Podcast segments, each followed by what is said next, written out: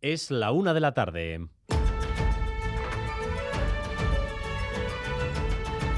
Crónica de Euskadi con Dani Álvarez. A Ratzaldeón, en un momento delicado de la guerra en Ucrania, cuando el pulso que se libra en el este del país entre ambos bandos transmite la sensación de máxima igualdad, Zelensky ha sufrido un golpe importante. Su ministro de Interior y toda la cúpula del ministerio han muerto en un incidente sufrido por el helicóptero en el que viajaban. Se habla de un accidente, pero la información todavía es confusa han sido 18 muertos en total. Óscar Pérez. Han muerto el ministro de Interior, el viceministro, el secretario de Estado de Interior y otras 15 personas en ese accidente de helicóptero que se ha estrellado en la ciudad ucraniana de Bovary, a unos 20 kilómetros de la capital. En total, 18 personas muertas, incluidos tres niños, de ellas nueve iban a bordo de ese helicóptero, pero el aparato ha caído sobre un edificio en el que hay apartamentos y una guardería. El viceministro de Economía de Ucrania acaba de decir en Davos que él culpa a Rusia de lo ocurrido. was down because of the electricity uh, uh, shortages, uh, power cuts, and uh, so obviously I, I blame Russians for that as well. Ha you know. caído debido a los cortes de electricidad y energía y por supuesto yo culpo a los rusos de lo ocurrido, ha dicho en los minutos previos a una conferencia. El gobierno de Kiev ha establecido un equipo especial que investiga las causas del siniestro. Golpe muy sensible para Ucrania, para Zelensky, en un momento clave de su guerra con Rusia. Toda la cúpula de interior muerta. Vamos a analizar dentro de unos minutos esto con Miquel Ayestarán. Mientras el temporal atraviesa unas horas de transición, la nieve ha caído en abundancia a primeras horas y amenaza con volver a hacerlo. De hecho, los avisos se han ampliado hasta mañana por la mañana, pero de momento no se ha alcanzado el nivel de colapso en las vías principales ni tampoco ha nevado a nivel del mar. Vamos con la última hora del tráfico. Irache Ruiz, red principal abierta y la secundaria, de momento, bastante bien para circular. Sí, continúan hasta ahora cinco puertos cerrados, son los de Opacua, Orduña, Herrera, Arrate y Lecortana. Además, Azaceta está cerrado para camiones, al igual que los de Bernedo, Dima, Eizaga, Legutio, Saliarán. Además, se recomienda circular con precaución hasta ahora por la Nacional 1. Atención, en Donostia, en el enlace con la Guipúzcoa 11 en sentido a Lasarte. Hay placas de hielo en la calzada y se recomienda, como decimos, circular con atención. Un mensaje, de la prudencia, en el que insiste el vicelendacari y consejero del Interior. La nieve eh, puede generar peligro, pero la imprudencia genera mucho más peligro. ¿no?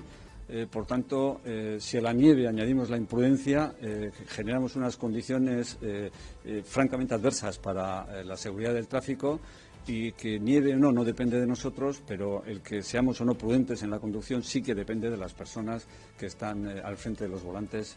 Amplias zonas de Araba han amanecido con problemas, aunque la situación ahora está en general despejada, Sonia Hernando. Sí, ya se han solucionado los problemas en la 1 y sobre todo en la conexión entre Gasteiz y Bilbao, que ha sido el punto que ha sufrido mayores problemas a primera hora. Se han acumulado decenas de camiones en la subida de Ayurdín desde las 6 de la mañana y dos de, de ellos han hecho la tijera, pero ha sido a primera hora de la mañana. Eh, De hecho, el servicio de autobuses entre las dos capitales ha estado interrumpido durante aproximadamente dos horas hasta las nueve y media. Ahora todo despejado, no nieva en Gasteiz desde las 7 y alcaldes de la montaña Alavesa y de la Llanada cuentan que ha sido menos de lo que se esperaba, al menos de momento. En el interior de Guipúzcoa también hemos tenido problemas a primera hora, pero el parón de la mañana ha permitido retomar la normalidad. A la espera, insistimos, de lo que ocurra en las próximas horas. Beasain, Natalia Díaz.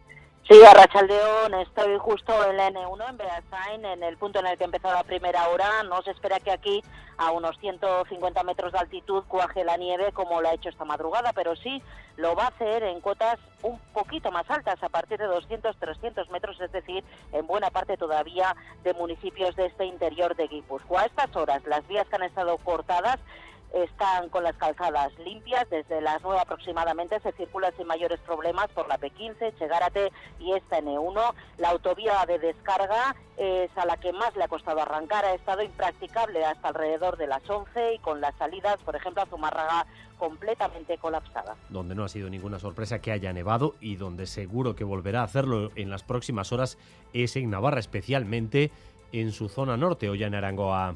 Sí, Pamplona y muchas localidades de la zona centro y norte de Navarra han amanecido con nieve, ha nevado intensamente a primera hora en algunos puntos, cuajando en vías de comunicación como la A15, pero no ha habido incidencias ni accidentes de entidad. La tónica general es de normalidad. Según acaba de informar el Gobierno, todos los centros educativos han abierto. También situación normalizada en los centros sanitarios. No obstante, tras esta tregua parece que volverá la nieve. Navarra seguirá, por tanto, en alerta naranja hoy y mañana. Se mantiene el nivel de preemergencia con 125 máquinas desplegadas en las principales vías del norte y zona centro. Desde el Gobierno se insiste en que se reduzca al mínimo imprescindible la movilidad en las zonas más afectadas. En Vizcaya también el interior ha visto nevar, además de las cumbres más elevadas y de nuevo a primera hora dificultades en comarcas como Durangaldea. Elgetan itxen lan eta bidi ez dago oso garbi, osea que ordenadoretik ba etxien. En vez de coger el coche, pues bueno, pues vamos en autobús y, y arreglado, yo creo. Me parece muy bien. Hacía falta que nevara. Si nevaba o así, darían un aviso que no viniéramos, pero como no han dado nada, pues aquí estamos.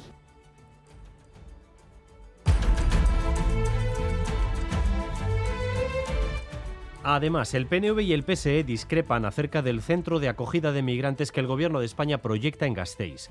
El PNV y varias organizaciones sociales repiten que ese no es el modelo vasco de acogida, pero el PSE lo va a defender por varias razones. La primera, porque centros así se plantean en la estrategia a nivel europeo de acogida.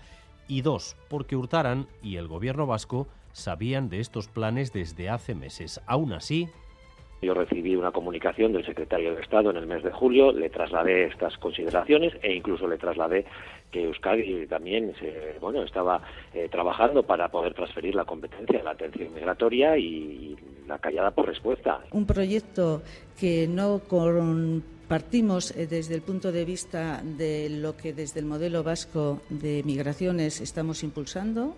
Además, el Foro Social Permanente pone fin a sus actividades tras la disolución de ETA y los avances en el reconocimiento a las víctimas o en la situación de los presos dan por cumplida su misión y Manuel Manterola. Punto y final a un recorrido que comenzó como Foro Social Permanente en el año 2016 de la mano de organizaciones de la sociedad civil y personas a título individual. Por aquel entonces ETA todavía no se había desarmado, hoy el desarme es un hecho, el acercamiento de presos de ETA está a punto de concluir y el foro también aprecia avances importantes en el ámbito de las víctimas y el relato. Hay cuestiones pendientes según el Foro Social, pero para ello se necesitarán, dicen, nuevos instrumentos en una nueva fase. El CIS sitúa la suma de las izquierdas por delante del PP y Vox, aunque las distancias entre el PSOE y el PP se ajustan mucho. Madrid y Sarobaza.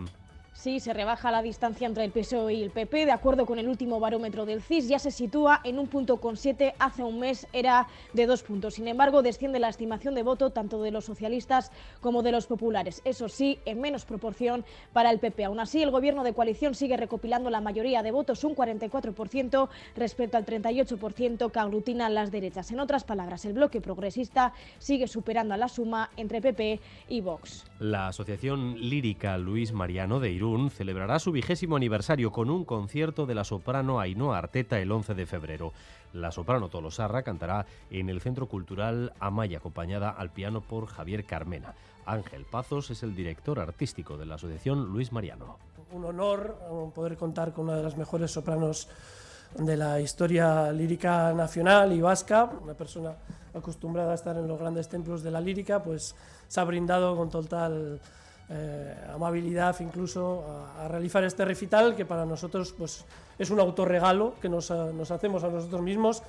Y hoy capítulo 2 de Copa, entre otras cosas de la actualidad deportiva. Álvaro Fernández Cadierno, Arrachaldeón. Sí, Arrachaldeón, a las 8 en San Mamés Atlético Español, a las 9 en el Villamarín Betis Osasuna. Ambos buscan ese pase a cuartos en donde está ya la Real, que ayer ganaba 1-0 al Mallorca, pero no era la vez que caía 0-1 frente al Sevilla. También hoy primera semifinal de la Supercopa, Real Sociedad Sporting de Huelva en Mérida y en pelota Mano Parejas en Munguía, Lasso Imaz, Urrutico Eche Albisu. Gracias. Un día más por elegir Radio Euskadi y Radio Vitoria para informarse. Raúl González y José Ignacio Revuelta se encargan de la dirección técnica y Aitziber Bilbao de la coordinación.